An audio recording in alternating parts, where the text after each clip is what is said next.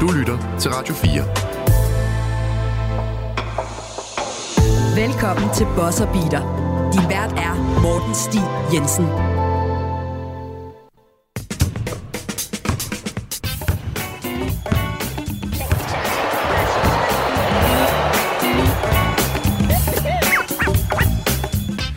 Og rigtig hjertelig velkommen til Bosserbiler. Mit navn det er Morten Stig Jensen, og i dag der skal vi snakke om sæsonen, der jo selvfølgelig er startet. Nogle tidlige observationer. Vi skal snakke om in-season tournament. Vi skal snakke om Los Angeles Clippers og James Harden-traden, selvfølgelig, fordi hvordan kan vi ikke tale om det? Og så skal vi sidst runde af med, øh, med en snak omkring udvikling specifikt den personlige udvikling af spillere og skråstreg mennesker øh, inden for NBA. Og for at hjælpe mig igennem de fire meget store emner, så har jeg øh, Jens Døssing og Niklas Helberg Larsen. Velkommen til, begge to. Øh, Jens, jeg skulle jo til at kalde dig U16-landstræner, men det er du ikke længere, kan jeg forstå. Du er simpelthen blevet ungdomslandsholdsansvarlig, hvilket er et overraskende langt ord at sidde og skrive øh, på et stykke papir. Er det, er, er, det, er det noget, du selv skal sidde og skrive flere gange om dagen? Jeg har på det min uh, autosignatur, så jeg ikke behøver at skrive det så meget, men Stærkt. det er irriterende at sige det, vil jeg også sige. Der er det lige så langt og besværligt. så ja, vi må finde på en eller anden uh, en smart forkortelse. Ja, ikke også? Det, jeg, jeg tænker i hvert fald, det er sådan, der tager for lang tid, når man bare tager telefonopkaldet, så er det allerede gået to minutter efter introduktionen. Præcis.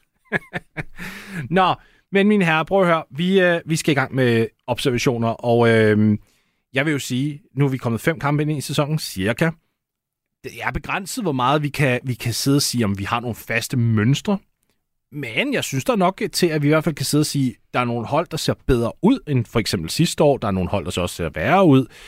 Og øh, jeg vil gerne starte med at spørge jer begge to med omkring Memphis Grizzlies. Fordi lige nu, der ser det ud til at være en trup med ikke specielt meget håb. Jamal Rand er jo ude i, ja, i hvert fald 20 kampe til og vi har øh, en Steven Adams derude resten af året. Det, de mangler noget up front. De kommer nok til at få Santi Aldama tilbage på et eller andet tidspunkt, men kommer han til at gøre en, en forskel, Jens? Ja, det er jo klart, han er ikke en, der vinder, øh, vinder hele franchisen, men jeg tror, det betyder meget at have noget ekstra størrelse og have noget rebounding. Øh, man kan virkelig se, synes jeg, de mangler Steven Adams. Øh, han komplementerer de andre spillere så godt med hans screeninger, og hans fysik åbner rigtig meget op for, for Jaron Jackson Juniors forsvar, for eksempel, hvor hans store svaghed jo er reboundspillet, og han kan ligge og, og roame lidt mere væk fra bolden, så øh, jeg vil være ret bekymret, hvis jeg var Memphis Grizzlies-fan eller i, i front office der. Det kunne godt allerede nu ligne en, øh, en tabt sæson, synes jeg. Niklas, er det vi er ude i, når man kigger på sådan en situation, at man faktisk kan sige, prøv at høre, vi kommer rigtig, rigtig skidt fra start. Vi ved heller ikke helt, hvilken version John Morant vinder tilbage i. Og samtidig ved vi heller ikke, om vi kan stole på ham fremadrettet. Altså, hvad nu, hvis der lige pludselig er endnu en Instagram live-episode for den sags skyld, ikke også? Er man ude i, at man faktisk i Memphis skal sige, prøv at høre, vi har en meget talentfuld trup. Måske skulle vi rent faktisk bare prøve at spille draft her til sommer, og så få endnu en, en brik ind til det større puslespil. Og så i 2024-2025, forhåbentlig på det tidspunkt, så har vi Jar på det rene, han er tilbage, fuldt ud klar øh, på alle måder, klar i hovedet og klar spilmæssigt. Måske. Vi har en stor rookie, vi har Jaron Jackson, vi har en Steven Adams. Er, er, er det den bedste måde fremadrettet? Det er et godt spørgsmål. Øh, jeg vil sige, at jeg har faktisk slet ikke selv tænkt over den mulighed, fordi at, øh, i forhold til, hvor Grizzlies var sidste år, så føler jeg ikke, at det ville være et valg, de kunne tage, fordi at de netop var så bundsolide hele vejen igennem, med eller uden Ja Morant, hvor i år, der, øh, der ser det sgu lidt vaklende ud. Øh, jeg føler lidt, de savner en stabil, øh, lige så stabil playmaker, som de havde i Tyus Jones. Øh, og lige så meget som jeg godt kan lide Marcus Smart og hans øh, vildskab, mm. så mhm. er den vildskab også tit utilregnelig. Øh, og det, det føler jeg ikke, at det de har brug for på holdet, når de skal holde fortet nede uden Jamorant. Men jeg vil da sige, det vil være klogt, men det er så sjældent, at NBA-franchises gør det kloge. øh, I hvert fald det åbenlyse. Ja, ja. Øh, hvad der vil være mest fornuftigt, i stedet for ligesom at, at satse, eller gå, gå efter den, mm. som de fleste jo gør. Nu snakker vi meget omkring, at de mangler en center, og de selvfølgelig mangler en playmaker i, i, i Jamorant også, men jeg synes også, de mangler en wing. Altså, når man virkelig kigger på deres hold, det er sådan, det har de manglet et stykke i, i et par år efterhånden, men uh, her i år, der er det virkelig kommet under mikroskopet, fordi Zaire Williams er ligesom deres primære wing, og fair nok, dygtig nok spiller, altså 10, rebound, eller 10 point, øh, 7 rebounds per kamp, shaky skytte, havde virkelig off øh, år sidste sæson og sådan noget. Altså, jeg tænker i hvert fald, det er i år, at man skal begynde at tage nogle beslutninger øh, omkring fremtiden, øh, i hvert fald. Jens, har du gjort dig nogle, øh, øh nogle af dine egne observationer øh, her tidligt i NBA-sæsonen? Er der et eller andet, du, øh, der ligesom har fanget dit øje? Ja, jeg synes, øh, to ting sådan primært. Den ene, det er, er Wemby, og han fangede ind i mit øje lang tid før han, han var i NBA. men, men, Morten, har du hørt om ham, franskmand? men, men at se ham på banen er bare, for mig er det virkelig must see TV. Han er, han er så øhm, unik i hans måde at spille på, og altså nogle af de her blocks, altså tre point skud, og han er så langt væk, at det, det ser helt anderledes ud, end noget man nogensinde har set, i hvert fald for mig, øhm, og jeg har efterhånden fulgt med i 25 år, ret mm. intenst. Det, er så specielt, og det, jeg, jeg er fuldstændig suget til skærmen. Det er så sjovt ja. øhm, at se de her ting, og han er jo stadigvæk øh, virkelig rå, men det han allerede har nogen form for impact nu, det er jo skræmmende at tænke på, hvordan han ser ud om, om fem år, når han får noget erfaring og, øh, og nogle, nogle flere kilo på kroppen. Han, øh, han er virkelig sjov. Og den anden ting, det er, øh, jeg er jo stor Steph Curry-fan. Øhm, jeg synes, Warriors ser, ser rigtig spændende ud. De har egentlig ikke været super gode endnu. De leder stadig lidt efter hinanden. Draymond Green er lige kommet tilbage. Clay Thompson var lige ude, men, men jeg synes, at de unge ser en lille smule bedre ud. Jeg tror, Chris Paul virkelig kan løfte deres, øh, deres playmaking, så de altid har en, en, en A+. Afleverer på banen, når, når Draymond også er ude. Så, så dem er jeg meget spændt på at se, hvordan øhm, kommer til at se ud resten af sæsonen. For det er jo et ældre hold, som lige nu er friske, men vi ved også, der kommer til at være skader, der kommer til at være trætte ben. Men, øhm, mm. men, men jeg har været positivt overrasket over, hvordan det har set ud indtil videre, selvom de selvfølgelig er noget klein under kurven. Ja, altså Chris Paul, der rammer 5,3 procent af sine øh, trepointsskud den her sæson. Ja. Men hey, midrangen. Men midrange, ja. det, ej, det er rigtigt. Jeg kan også godt følge med. Jeg synes, at det er, jeg, jeg synes også, at det, det er en stabil tilstedeværelse på bænken, og det er jo det, de har haft brug for mm. øh, i, i længere tid. Jeg var imponeret over, at de overhovedet fik solgt ham på bænken. Han er jo aldrig nogensinde kommet fra bænken i sin karriere, og nu har han gjort det i tre kampe. Altså, jeg, jeg troede ikke, at han ville æde den, men øh, det gjorde han. Og det, det synes jeg også siger noget om organisationen, at man ligesom kan sige, okay, nu stiller vi dig den her forspørgsel, og han siger, prøv at høre, jeg, I'm game. Det kan være en kombination af både alder og respekt for franchise. Og ikke kun organisationen, men også ham. Og netop hans alder, det her med, at måske har han ligesom indset, efter han lige blev sparket ud, øh, at, at nu, nu er det ved at være tid. Og, og Kerr har jo ligesom også sagt, jeg kan ikke huske, øh, de havde nogle af stjernerne ude i en af kampene, hvor han stadigvæk holdt ham fra bænken. Mm. Netop fordi det her boost, altså det her med, vi skal bruge noget playmaking og en, der tager ansvar fra bænken, altså i stedet for at rykke ham ind i, i starting lineup. Øh, og det, ja, det virker som om, der er sådan gensidig respekt, og, og det synes jeg skulle er, er klær, klær begge dele, ja. eller begge parter det vil også være underligt for en spiller, som der altid har startet lige pludselig, at være sådan en herky-jerky-spiller, der sådan, og så starter man nogle gange, så kommer man fra bænken på andre tidspunkt. Det er jo sådan noget, der virkelig bare kan, altså for at sige det ud, fuck med en spillers mentalitet, især hvis man har været vant til noget helt bestemt. Ja, det kan vi godt komme ind på senere. Åh, oh, der har du noget. Spændende. Spændende, spændende. Niklas, hvilke nogle øh, observationer har du gjort der? Ja, men øh, jeg, jeg tænker, jeg starter fra toppen. Ja. Øh, og der tager vi øh, de forsvarende mestre.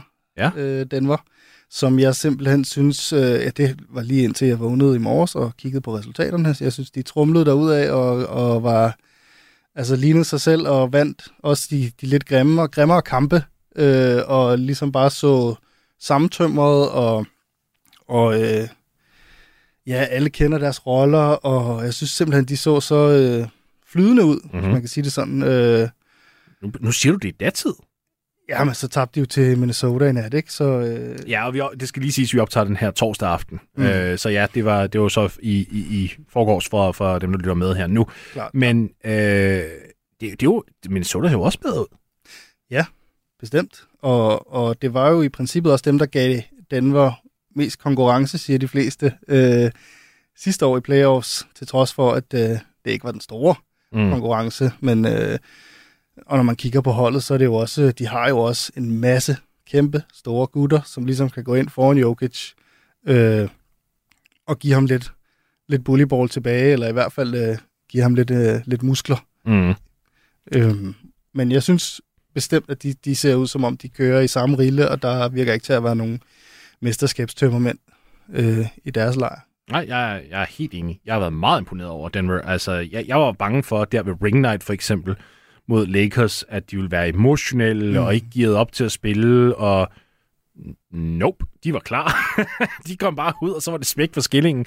Uh, altså, det her, det ligner sådan et af de der midt-90'er Houston Rockets hold, det der, som der indledningsvis vandt mesterskabet i, i 94, og så var man sådan lidt, ah, kan, kan de overhovedet gentage året efter, og så gjorde de det. Altså, det vil ikke undre mig, hvis uh, de bliver repeat champions. Hvad ellers fangede dit øje? Jamen, øh, selvfølgelig også Wemby.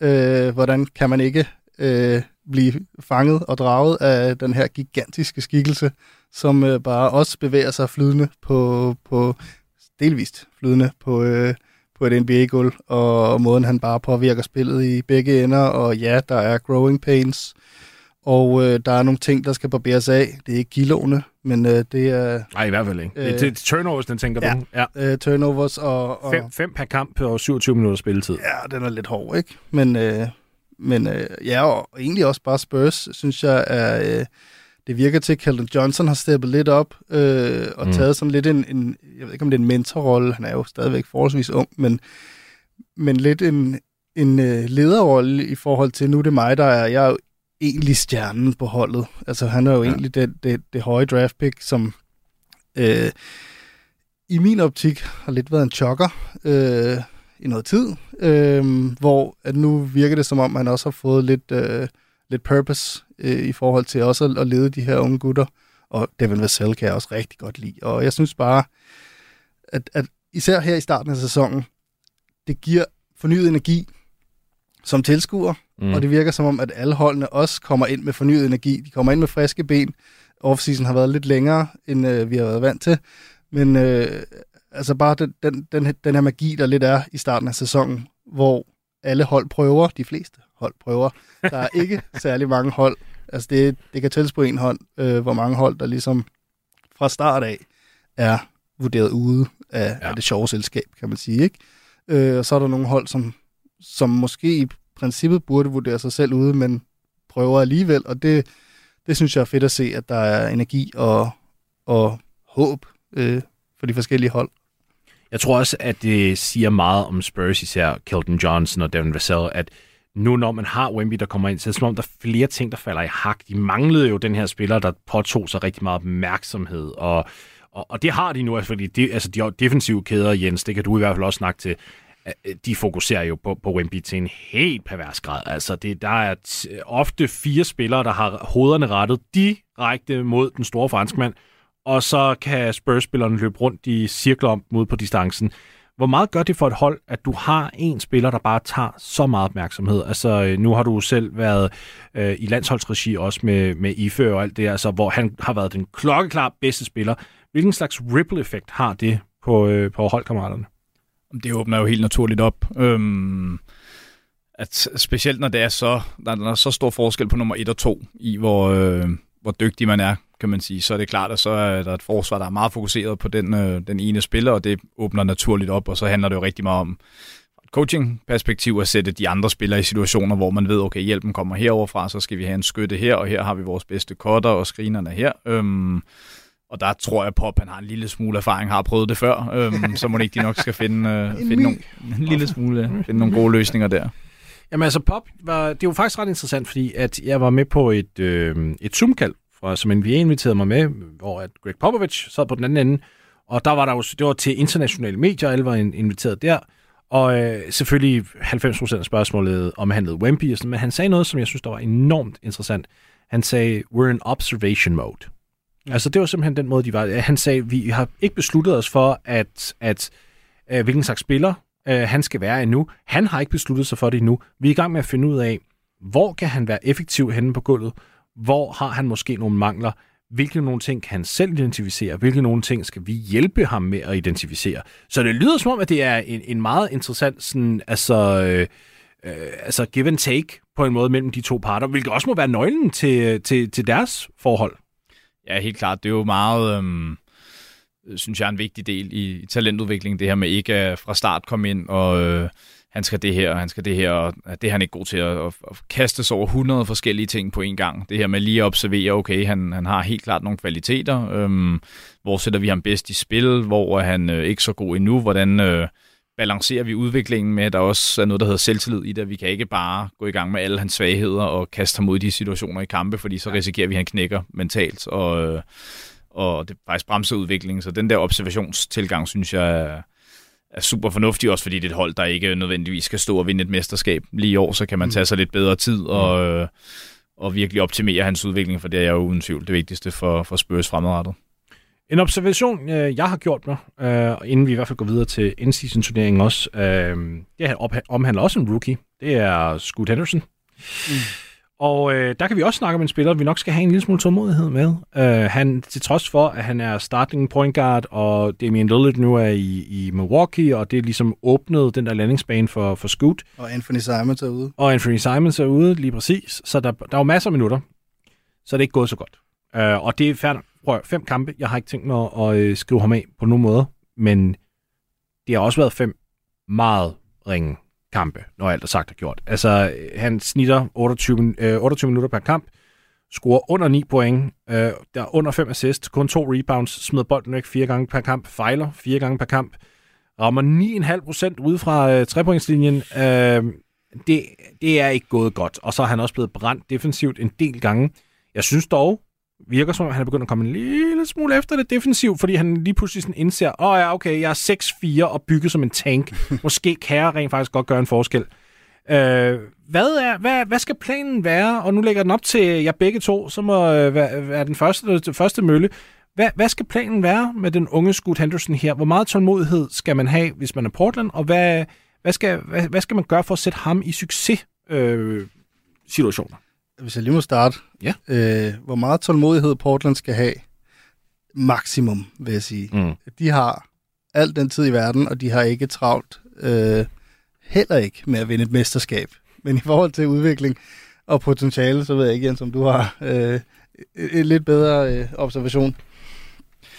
Jo, jo, de skal være tålmodige. Han er jo, øh, han er jo ung, og point guard er en rigtig svær position at blive kastet ind i, specielt når man som ham er mere en scorer end en, en sådan naturlig playmaker. Det kan være rigtig svært at finde den der balance. Lige pludselig har du en masse veteraner omkring dig, der siger, give me that goddamn ball, og ikke, ja. øh, ikke lige er frisk på, at man skyder 3-4 dårlige skud i træk. Øhm, det er en hård, hård position konkurrencemæssigt øhm, at være på, og, og traditionelt set har vi set mange af de her, synes jeg, typer, som ham havde en lille smule svært i starten. Ikke? Øh, De'Aaron Fox, et godt eksempel. Ikke? Alle var jo helt færdige på ham efter hans rookie-år. Øhm, det tager nogle gange noget tid for de her spillere virkelig at finde den der balance, så, så de skal selvfølgelig være tålmodige, men også igen være opmærksom på den der selvtillid og passe på, at han ikke knækker. Øhm, ved bare at rulle ham ud med, med høje minutter og høj usage. Ja. ja Endelig hans, hans, øh, jeg mener, hans assist turnover ratio er 1. Øh, altså, og det er jo ikke super godt. Øh, men netop det der med, det er sjovt, fordi jeg synes, inden han kom ind i ligaen, der virkede det til, at alle var 100% sikre på, at det var ham, der var den mest NBA-ready, fordi han havde kroppen, og han havde mentaliteten, og han har gjort det så godt i G-League, og det ene og det andet. Og så netop det, det er som om, de ligesom har, eller der ligesom er blevet overset den her hypotese, som du stiller op med, som netop plejer at være øh, rimelig udbredt i forhold til, at, at netop point guards har det svært ved at komme ind altså, som rookies, fordi at der er lige pludselig så meget ansvar, at du skal styre det hele. Ja jeg, jeg var jo en af dem, der sagde det med Scoot, så jeg, den, den tager jeg på min kappe, fordi altså det, jeg tænkte, han, øh, han har spillet i NBA, under NBA-regler i G-League i, var det to år, ikke også? Så altså, det burde, jeg, jeg, var, jeg tænkte virkelig, okay, hvis du har gjort det, du er vant til skud, og du er vant til banens dimensioner, alt det her, jamen så burde det bare være en start, men så glemmer man jo også bare, at kvaliteten er bare så meget bedre. Altså, det der med, at han skal dele backcourt også med Shaden Sharp, som i øvrigt as advertised. 20 plus point per kamp, 5,5 rebounds, 3 assists, 38 øh, for træeren. Altså, han ligner den, den gut, han nok skal komme til at blive. Lad mig sige det på den måde. Um, men, men jeg tænker også, vi skal nok lige, lad os lige give Scoot bare en lille snærtet tid. Um, men Jens, øh, sidste år på, det, på, på Scoot her, hvor, hvor lang tid vil, vil du give ham, i hvert fald den her sæson, hvis man ikke begynder at se forbedringer, hvornår skal man begynde ligesom at skalere tilbage i rolle, måske og så sige, okay, i stedet for at give ham næsten 30 minutter per kamp, så lad os lige prøve at skalere dig tilbage til for eksempel 20 for at få nogle succesoplevelser. Hvor, hvor, lang tid, hvor lang snor skal man give ham nu, inden man bliver nødt til at, at gå lidt tilbage? Det afhænger meget af egoet, vil jeg sige, fordi nogle spillere, de, øhm, de, hvis man siger, nu kommer du til at komme fra bænken, så spiller du mod second unit, det er nok bedre for... Øh, for din rolle og dem, du spiller imod, og, øh, og så kan vi få bygget nogle ting op, og så har du faktisk bolden mere i hænderne end med starterne. Øhm, det er der nogle spillere, der vil sige, det lyder sgu som en god idé, den er jeg med på, og så er der nogen, der vil sige, off the bench. Øh, jeg er ikke en benchspiller, ikke? og du har en agent i røret, og det hele kører. Øhm, så det afhænger meget af øh, personligheden, hvor meget man tror på, at han kan, han kan bryde ud af det. Øhm, og så er der selvfølgelig også noget, den, den generelle stemning, ikke? altså med medier, fans og sådan noget, hvor, hvor meget fylder det for ham, for hvis de dårlige præstationer er okay for ham individuelt, og han har det der øh, øh, gode perspektiv med en lang bane og øh, bare klø på, så fint, men hvis han, han lader sig påvirke meget af det, der foregår omkring ham, så, øh, så kan det godt være, at man skal beskytte ham en lille smule i hvert fald. Øhm, og det hjælper selvfølgelig ikke nødvendigvis at skære ned på minutterne, for så bliver folk endnu mere øh, sure og vrede og bost, og så kører det hele. Ikke? Men, øhm, men jeg tror, at de skal tage det helt stille og roligt, og, og generelt set, nu har vi været 4-5 kampe ind i sæsonen. Ikke? Min, min hovedregel er at lade være med at, at kommentere på noget, før der er gået 20 kampe, fordi ellers så, så overreagerer vi bare på, øh, på alle mulige ting. Så, øh, så lad os give det en lille smule tid, og så lad os øh, snakke efter 20 kampe og se, hvor vi er.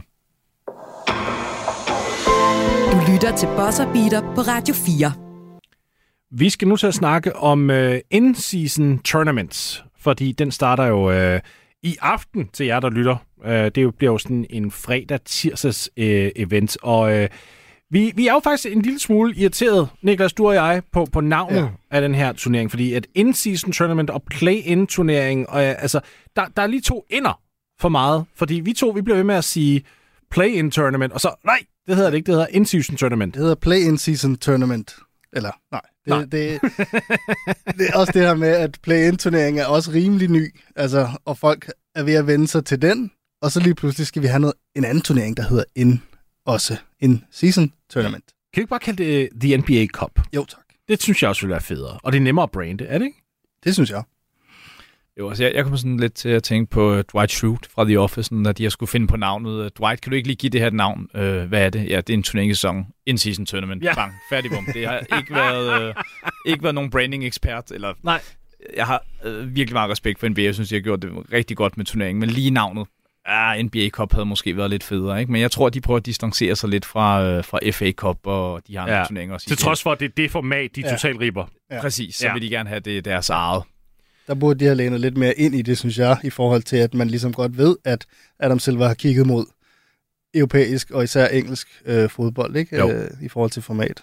Ja, og så synes jeg også bare, at COP er sådan et fedt ord. Altså det, og, altså det er tre bogstaver, så det er nemt at, at, at brande også bare sådan visuelt. Altså der, er, der er en alle mulige fede måder, du kan gøre det på.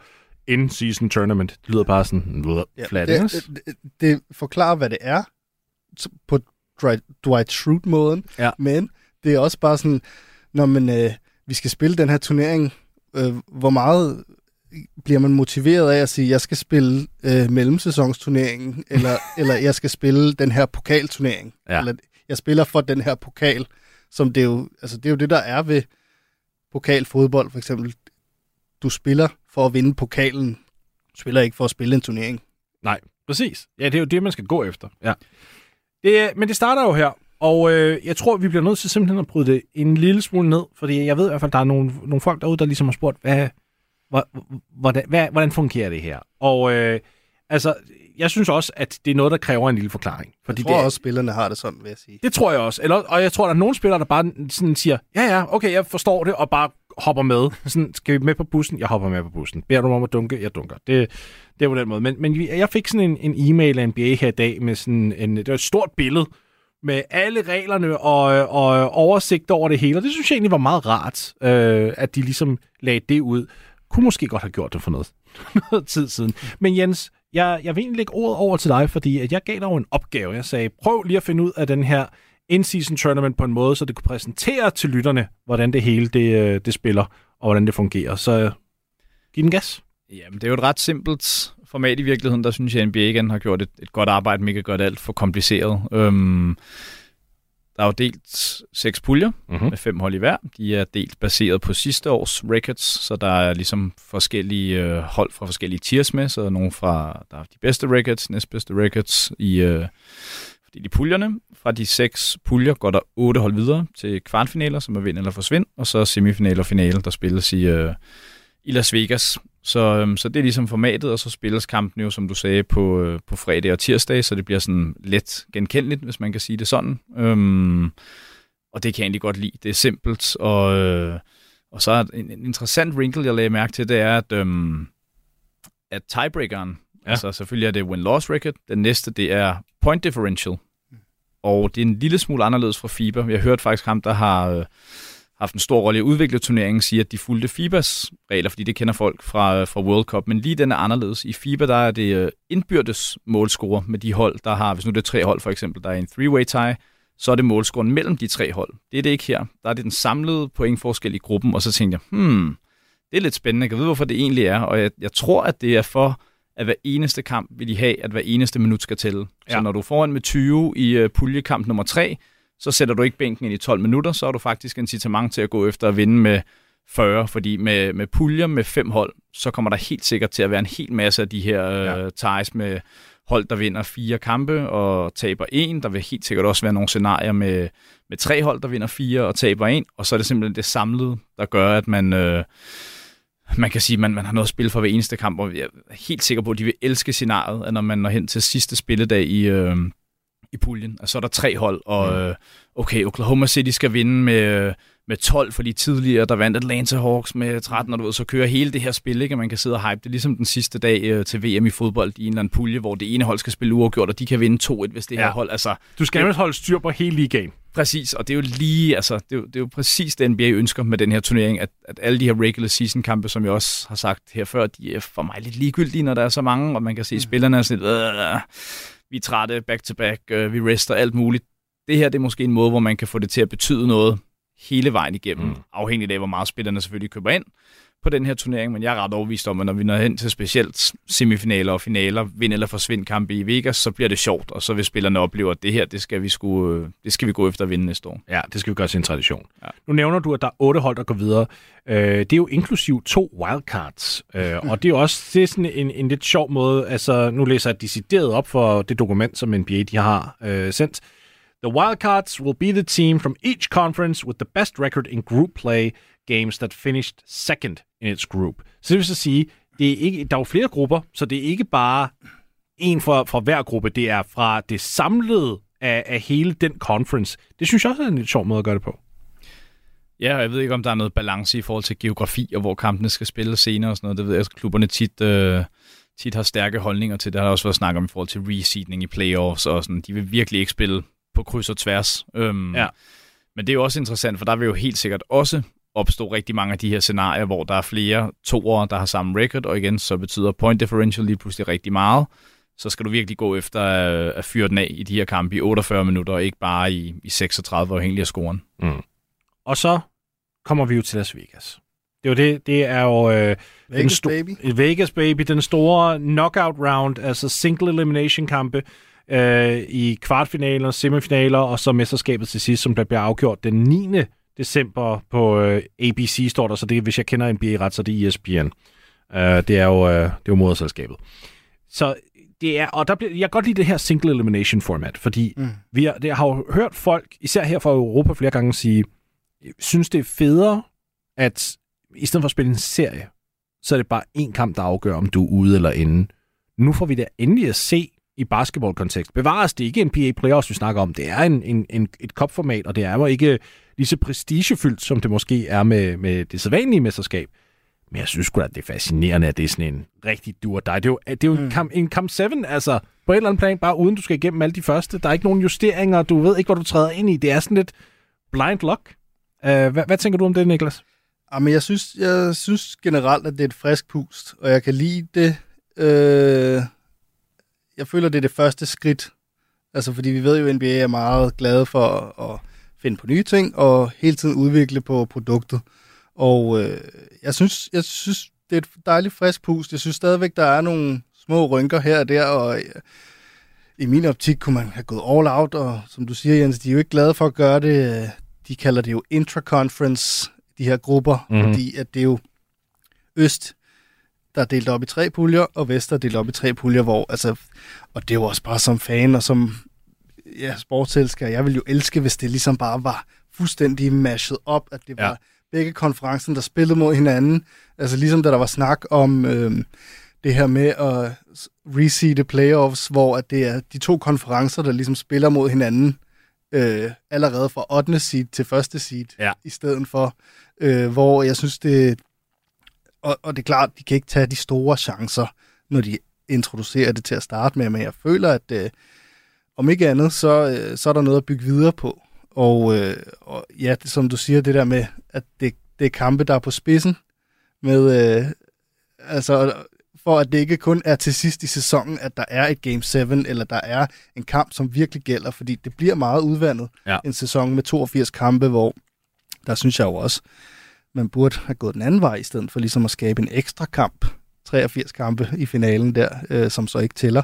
Men øh, altså at reducere kampene, og så måske lave en in-season tournament, som så i min optik, det ligger lidt fjollet. Altså jeg føler lige, vi er gået i gang med sæsonen, og så lige pludselig... Meget så, tidligt.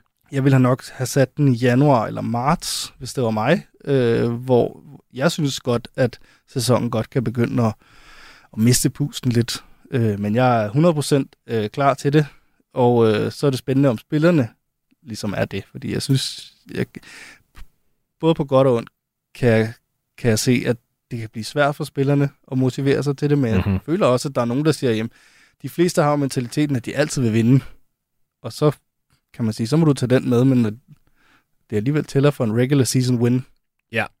Så det er sådan lidt... Og det er det, der tæller med i dit argument, synes jeg, for at det ikke burde være opdelt i konferencer, fordi det netop er også regular season kampe, så kan du som schedule maker godt altså finde ud af det. Så kunne du rent faktisk sige, prøv at høre, vi ved, at øh, New York er på en roadtrip på det her tidspunkt, mm. øh, hvert år et eller andet. Så det vil så sige, her, der, der ligger vi en, en, en tournament-kamp, og det er så imod øh, Lakers. Hvad fanden ved jeg, ikke også? Så jeg tror også, jeg, jeg håber, at du har ret i, at det her, det bare er step one. At det her ligesom er, øh, nu, nu tester vi det af, vi finder ud af, hvordan det virker, og så kan de dreje, dreje på nogle knapper i løbet af, af off-season, og de kan ligesom tage noget data og vende tilbage og så sige, okay, mener det her format lidt for meget om slutspillet, i at det er opdelt i de her konferencer? Skal vi måske lave bare en fælles pulje? Skal vi gøre noget anderledes her? Det synes jeg også. Jeg, jeg var også jeg, da jeg hørte om det her første gang med, at det stadig ville opdelt i øst og vest, der kan jeg også huske, det første, den første følelse, jeg fik, der var sådan lidt, ah, Øh. øv. Ja. Det, øh, fordi det har vi snakket om. Du, jeg ved jo også, Jens Døsing, det har du også snakket en smule om, det der med, at du kan godt blive lidt træt af det, det normale format. Ja, jeg har jo længe sagt, at hvis, øh, hvis man virkelig skulle gøre regular season interessant, så skulle man bare spille to gange mod hinanden. Færre kampe, højere intensitet, hver kamp betyder mere. Yep. Det er selvfølgelig fuldstændig urealistisk af økonomiske årsager. måske, jeg har stadig sådan en drøm om, at hvis nu det bliver meget bedre, så kan man måske sælge billetterne dyre og tv-rettighederne endnu mere, men der ved jeg godt, der er nogen, der er klogere end mig, der har lavet nogle, øh, nogle beregninger på den slags, og så er der alt muligt med den, den historiske kontekst og sådan. Men, øhm, men netop derfor synes jeg faktisk, det her format er ret genialt, fordi du bevarer øh, de 82 regular season kampe, så er der lige den der hurdle med en kamp fra finalen, der ikke tæller og ikke tæller med i statistik. Ja, Det er lidt mærkeligt. Er det ikke det? Så, så det vil så sige, hvis, lad os nu sige, det er Warriors, der kommer ind, og, og, og lad os sige, Steph rammer 15-3 af den kamp. Det vil være en NBA-rekord. Så tæller den simpelthen ikke. Hvad, så, så den står for sig selv. En ting er, hvis du spiller i slutspillet. Før nok, så gælder den ikke i grundspilsstatistikkerne. Øh, statistikkerne. Men så står den i det mindste som en playoff record. Men Så- hey, så kan de hive statistikker ind og sige, det er første gang nogensinde i in-season tournament finals historie. Ja. Så laver, de, så laver de en helt ny statistisk kategori udelukkende for den ene kamp. Ja. Bliver fandme genialt, mand. Ej, men jeg vil sige, jeg synes også, det er rart, at der bliver gjort noget andet. Øhm, jeg kan også godt lide, at det er en liga, der rent faktisk tør gøre noget andet. Mm. Det, det, er en, det er en lidt anden debat, men det der med, at under David Stern i sin tid, altså, han vil gerne udvide øh, ligaen fra et PR-perspektiv, men der skulle ikke pilles ved formatet. Altså, det var, det var låst fast på en bestemt måde, og så var det sådan, det var. Og så var det heller ikke, altså, så, så var der heller ikke plads til mere kreativitet. Der må jeg skulle give Silver det, at da han kom ind, så er det med åben, et åbent sind helt fra starten. af. Det er jo, altså, vi har jo hørt om den her Moody Cup i hvad? Syv? Otte år efterhånden, næsten lige, da han kom ind, ikke også? Altså, og, øh, og, og nu hører, ved vi også, at, øh, at de snakker expansion. Mm. Øh, jeg var på et conference call med vicekommissær Mark Tatum, som der også sad og sagde, sådan, vi skal lige have tv-handlen ud af, af vejen først, og så kan vi snakke om expansion bagefter, hvilket er NBA-speak for, oh yeah, we're gonna expand, baby. Just wait. Uh, Vegas, baby. Vegas, baby, og højst sandsynligt Seattle eller Mexico City eller et eller andet. Ikke? Ja. Så ja, jeg synes, det, det er interessant, at der sker noget nyt, og det er et frisk pust. Og, og Jens, som du også flere gange har været inde på, det har været meget nødvendigt, fordi du tuner jo selv ud i, i løbet af grundspillet, fordi det bare ikke er, hvad er ordet, spændende nok? Ja, jeg savner lidt den der øh, intensitet, og så er der, åh, oh, jeg glæder mig til den der kamp i morgen, og så tænder man, når tre af fem starter var lige ude for begge hold, og så slukker man igen og sådan lidt øv, ikke? Øhm, og der er selvfølgelig nogle kampe, hvor intensiteten er der, hvor det er fedt, men, men slutspillet for mig er, er noget helt andet at se en regular season. Øhm, og det er også, når man har altså, øh, set meget i 25 år, så vender man så også lidt til det, og man har set, set mange af tingene udspille sig igen og igen. Ikke? Når man er ung, så kan man også slet ikke få nok af det hele. Øhm, så er der også lidt med, hvor meget tid har man i døgnet til at, at bruge på nogle af de der kampe. Men, øhm, Ja, når man er ungdomslandsholdsansvarlig, så har man nok ikke så meget tid. Fordi man skal sige det. Det er Man det, der, skal det, er det, sige der det tager tid. Sig det tre gange i løbet af en dag, så har du allerede brugt to minutter. Ja, ikke også? Jo. Der kan du Ja. have set en hel kamp. Det er lige det. Det er lige det. øhm, så netop derfor synes jeg, det er... Altså, jeg kan rigtig godt lide, at de her regular season kampe får en eller anden form for betydning. Mm. Øhm, fordi hvis nu der havde været noget ekstra, man skulle lægge ind, så havde der jo for det første været, ah, det er for mange kampe, og hvad sker der nu, og man har i forvejen problemer med skader, og folk, der ikke kan, kan holde til Spiller sæsonen. Unionen var flippet ud. Det var aldrig sket, og det er derfor, jeg synes, det er så fedt, at de har ramt et format, der faktisk bare fortsætter med regular season kampe, men, mm. men giver det noget mere betydning, og, og det bliver spillet på de samme dage, så det er nemt at forholde sig til. Grupperne er, er simple at overskue. Okay, der er nogle etter, der går videre, uh, de her lige på grænsen, og så øh, kvartfinale, semifinale. Det er så nemt, at jeg tror, det bliver meget, øhm, meget let som tilskuer og som fan at sætte sig ind i det, og, øh, og se, at det bliver sjovt. Og nogle af puljekampene vil jo ikke være altså lad os være ærlige, de vil ikke være anderledes end alle mulige andre regular season games, men jeg tror, når vi kommer ind til de der knald- og faldkampe, Mm. så sker der noget, og det er uden tvivl helt bevidst, NBA har seedet puljerne med, med gode hold fra sidste sæson, for de drømmer jo om semifinaler med ja. Lakers mod Clippers og, øh, og Celtics mod Milwaukee, ikke? og så, så Celtics Lakers i finalen, det vil jo være altså, en, en kommersiel drøm for NBA, hvis det sker. Ja, de, de vil sidde og, føle sig godt glade på ligakontoret. Det tror jeg så også, jeg tør at sige. Uh, Niklas, sidste spørgsmål, inden vi, vi går videre til Los Angeles Clippers og James Harden-traden og alt det her. Um, det hold, som der vinder den her første in-season tournament, altså tror du, det kommer til at have nogen form for prestige over så Tror du, de spillere kommer til at tage det med i bagagen og siger, wow, godt være, at vi ikke vandt mesterskabet, når sæsonen er slut, men vi vandt i det mindste in-season tournament. Altså, hvad, hvordan tænker du, at øh, den, den ligesom kommer til at blive drejet? Jeg håber det. Jeg håber, at, øh, at der kommer til at være prestige over det. Jeg tvivler på, at det sker første år, øh, vil jeg sige.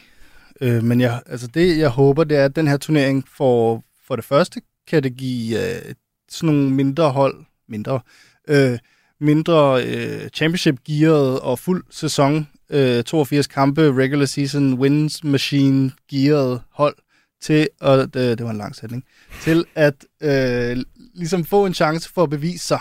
Et hold som, for eksempel et hold, hvis stjerner har været ude og er kommet tilbage. Det er så svært her i starten af sæsonen, det er derfor, jeg synes, de skulle rykke til senere. Ja. Men øhm, et hold, hvor, for eksempel et hold, hvor deres stjerner har været skadet, og de kommer tilbage og skal bevise noget. Et hold som Orlando Magic eller Rockets, der er sådan lige måske midt imellem fra at gå fra et lottery team til et øh, play-in, play-off team, øh, at, at de kan få lov til at bevise sig, øh, og så samtidig øh, vise, at de kan noget i kampe, der betyder noget, at det ikke bare er, nå, det var en regular season loss. Nå, okay, fint, det var en regular season win.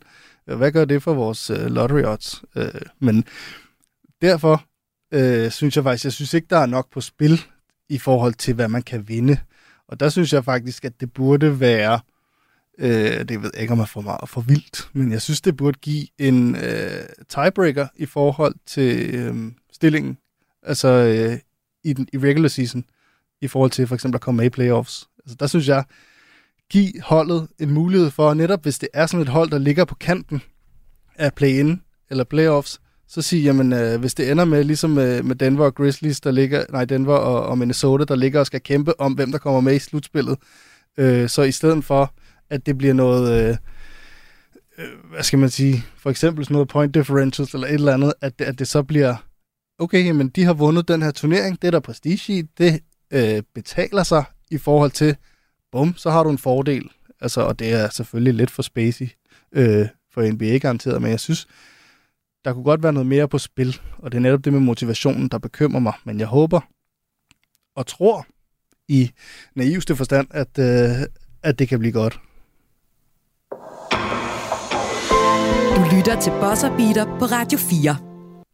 Så skal vi til Los Angeles Clippers, der jo har erhvervet sig James Harden. Og øh, der er jo nok nogen, der sidder og tænker, men hvorfor starter du et program med alt det her? Det er fordi, at det begynder at være så rutine, synes jeg, at James Harden eller Russell Westbrook for den sags skyld skifter adresse. Nu har de så fået samme adresse en gang til, for tredje gang i deres respektive karriere. Øh, Niklas, du er øh, Los Angeles Clippers fan. Og sjovt nok, jeg vil godt lige have lov til at påpege, at det var ikke engang øh, derfor, jeg inviterede dig ind. Jeg inviterede dig ind før den trade. Det vil jeg godt ja. lige have på mig. Men så derfor er du jo øh, klar til at kunne snakke om, hvad det her kommer til at gøre for dit hold. Ja, øh, og det er jo, altså, det er jo, det er jo Du altid ser ikke sådan, glad ud. Nej, øh, og det er jo, jeg tror, jeg er livet for en Clippers-fan.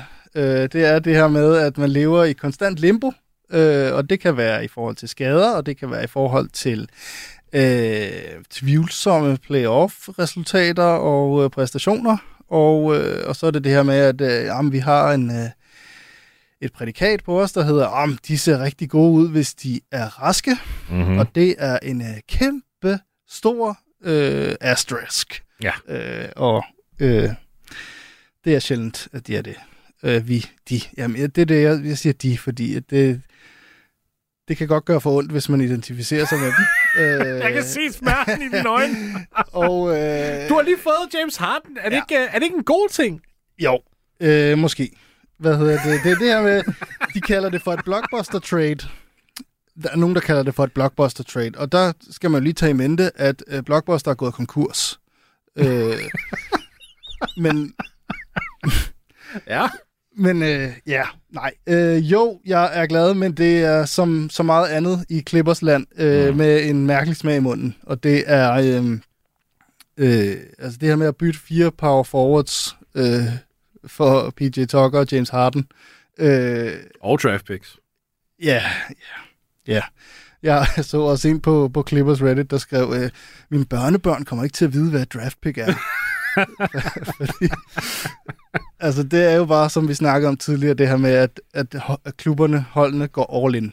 Ja. Øh, og det er især, jeg er rigtig glad for Steve Ballmer. Jeg synes, han er en fed karakter, en øh, fed personlighed, og fedt at se ham øh, Dybe lommer. courtside, netop også dybe lommer. Men måske er det der, at, øh, at den, øh, den bliver lidt skæv i forhold til, at øh, han har for dybe lommer, at øh, han, er, han siger bare go til alt. Altså netop det her med, at øh, Nå, men så hiver vi øh, den ene og den anden ind, og laver det ene øh, store trade efter det andet, og jamen, så giver vi store kontrakter til den ene og den anden rotationsspiller, bare fordi han har råd til det.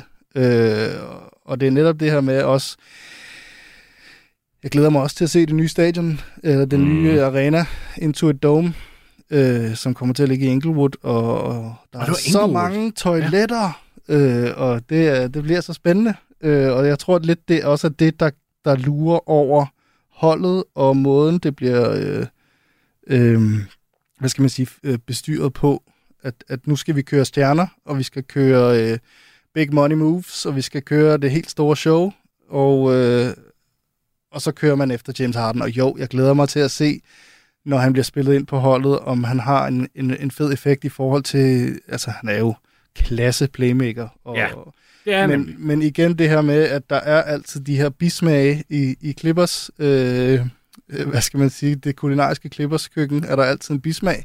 Øh, er der også i James Harden køkken. Netop. Og det er derfor, han passer så godt ind. Fordi, altså, Clippers med, med især under Doc, øh, tvivlsomme playoff øh, resultater og meltdowns og sådan noget med skader, der, der kan James Harden jo også godt lidt, lidt begynde at være med her på de senere Mhm. år, hvor han lidt har været en Ironman før i tiden, men, men ikke længere. Og øh, ja, jeg glæder mig til at se holdet, men jeg synes igen, at de er blevet alt for tynde på, på forward-positionen. Selvom Ty Lue, han spillede jo ikke særlig mange af dem, han har tradet væk. Eller Nej. han spillede dem ikke særlig meget.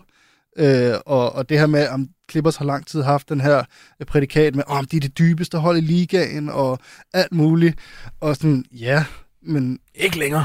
Slet ikke. Nej. Og, og især det her med, at, at Ty Lue, han har spillet nogle mærkelige lineups, og har spillet sådan noget 3-4 guard lineups, hvor man har tænkt, hvorfor bruger du ikke? Altså hele Clippers fandom, de har jo skrevet på Robert Covington, som om han var øh, messias mm-hmm. i, i, i halvandet år, eller sådan noget, hvor længe de nu har haft ham, hvor at der, der er mange, også Batum har jo også vist rigtig gode takter i den tid, han har fået, hvor at der netop måske er det forbandelsen ved, at de har været så dybe, at der ikke har været nok minutter til at gå rundt.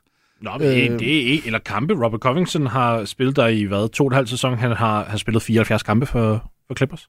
Ja. 74? Det er jo ingenting. Mm. Øhm, men, men hvad tænker du, altså, hvis vi nu koger den helt ned, er de værre eller bedre? I forhold til rotationerne er de bedre, fordi netop fordi Ty Lue har været så inconsistent med at spille ja. de, nogle af de mange spillere, han så har, har traded væk. Ja. Øh, og jo, det er fedt at kunne give bolden til Harden, som har været assist leader, og, og, og tage bolden ud af hænderne på, på øh, Kawhi og, og Paul George.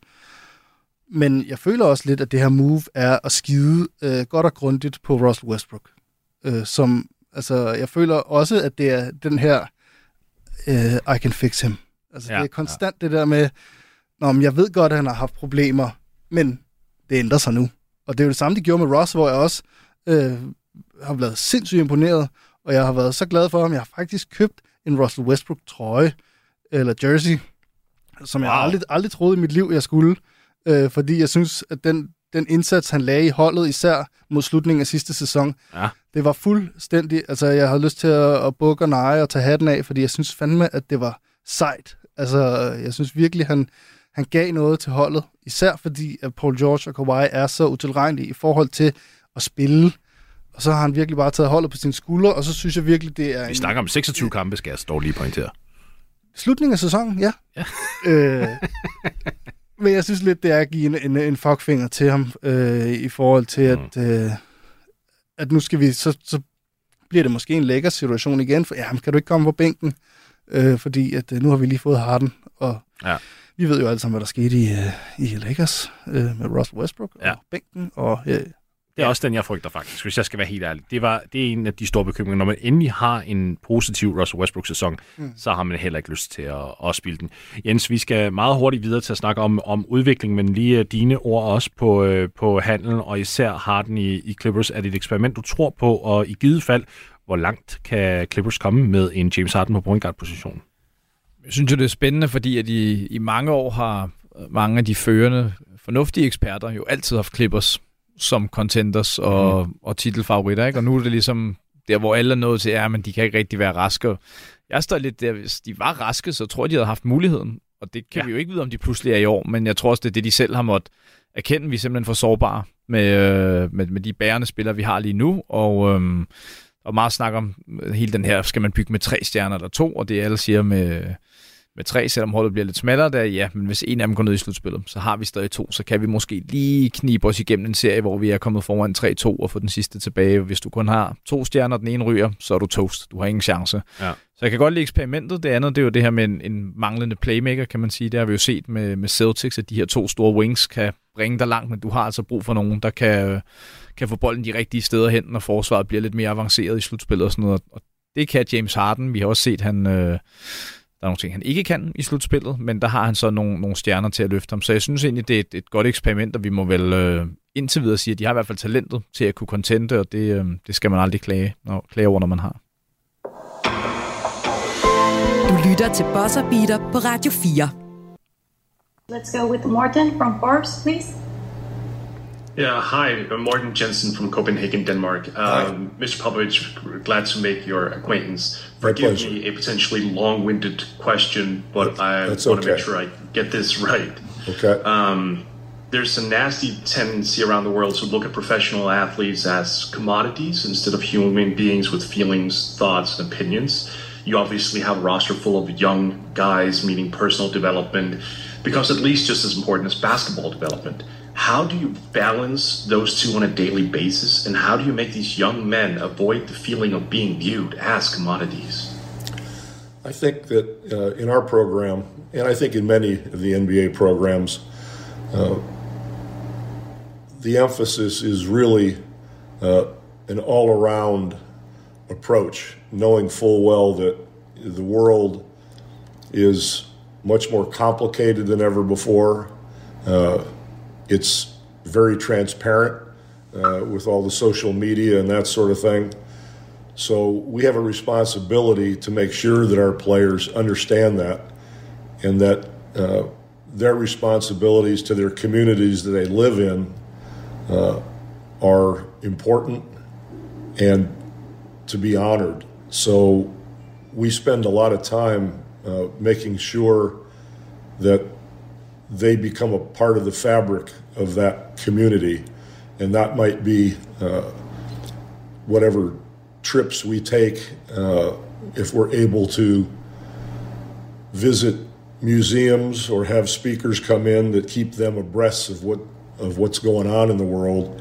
Uh, we think it makes for better camaraderie for the group, better understanding, uh, so that they actually uh, appreciate all the players they're playing with and the communities in which uh, they're performing.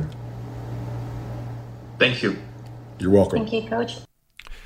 Det var Greg Popovich, der svarede på et, øh, et lidt langt spørgsmål fra undertegnet af her.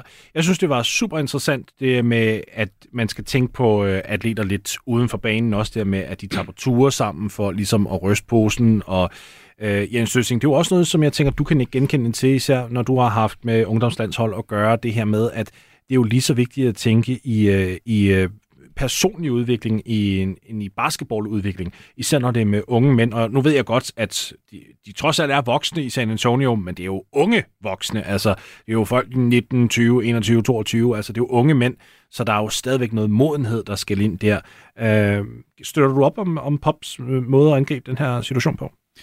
Ja, det er jo en tendens, man har set rigtig meget i, øh, i talentudviklingsperspektiv, det her med, at øh, det er jo ikke en basketballspiller, vi skal udvikle, det er et helt menneske. Og sjovt nok, så har øh, ens følelser og ens oplevelser uden for banen en indflydelse på, hvordan man gør det på banen, hvordan man udvikler sig, hvor meget mentalt overskud man har, alle de her ting. Øhm, det er noget, Team Danmark også øh, tager en masse initiativ omkring det her dual career, altså du kan passe din... Øh, din uddannelse, imens du, øh, du dyrker idræt på et højt plan, så du ikke bare bliver hævet ud af skolen som øh, 13-årig og kun lærer at øh, befærde dig på en basketballbane. Det er hele mennesker, der skal, der skal uddannes, og det har sportsorganisationer og trænere øhm, og hold selvfølgelig også et ansvar i, og det, øhm, det er rigtig spændende, den her øhm, psykologiske tryghed, noget der er blevet forsket meget i Danmark, det er med, hvordan performer øh, teams og atleter godt, at, at den her, skal vi kalde det sådan et old school... Øh, måske østeuropæiske eller amerikanske college-stil med, ikke? med frygt og øh, knokle og knokle, og det hele skal være fuldstændig skørt, og hvis øh, du kan klare mosten, så er du tof, for du kan, øh, og hvis ikke, så er du svag, så ud.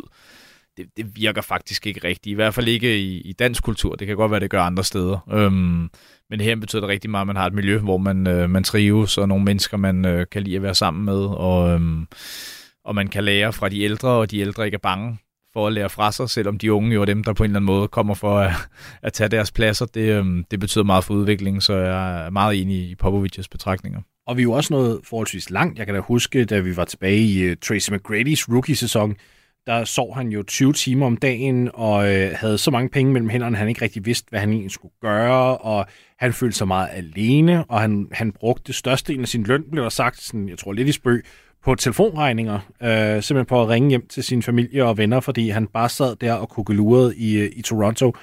Øh, og det virker som om, at der også er en, en større emphasis på det nu blandt øh, klubberne, det der med, okay, spillerne skal ikke bruge for lang tid alene, de skal faktisk engageres også øh, på privatplan. Nu har vi et minut tilbage i programmet. Kan du prøve at uddybe, hvor vigtigt det også er, altså ligesom det der med det sociale aspekt?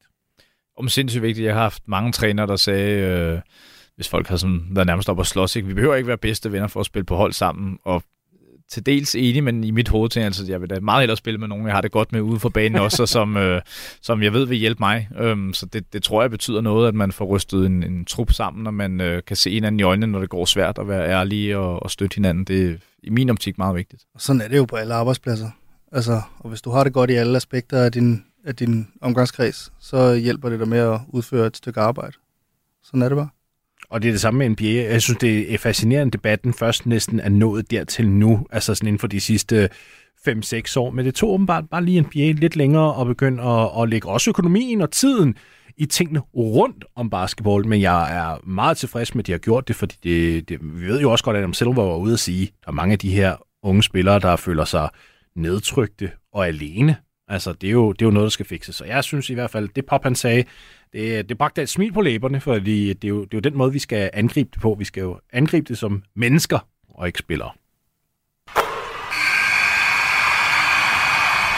Det var bosseren, og jeg vil gerne sige tusind tak.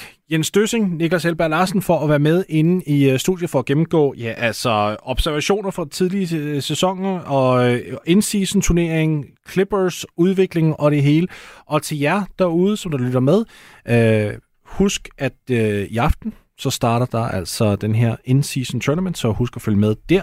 Indtil vi snakkes igen, så må I passe rigtig godt på jer selv. Du har lyttet til en podcast fra Radio 4. Find flere episoder i vores app, eller der, hvor du lytter til podcast. Radio 4. Ikke så forudsigeligt.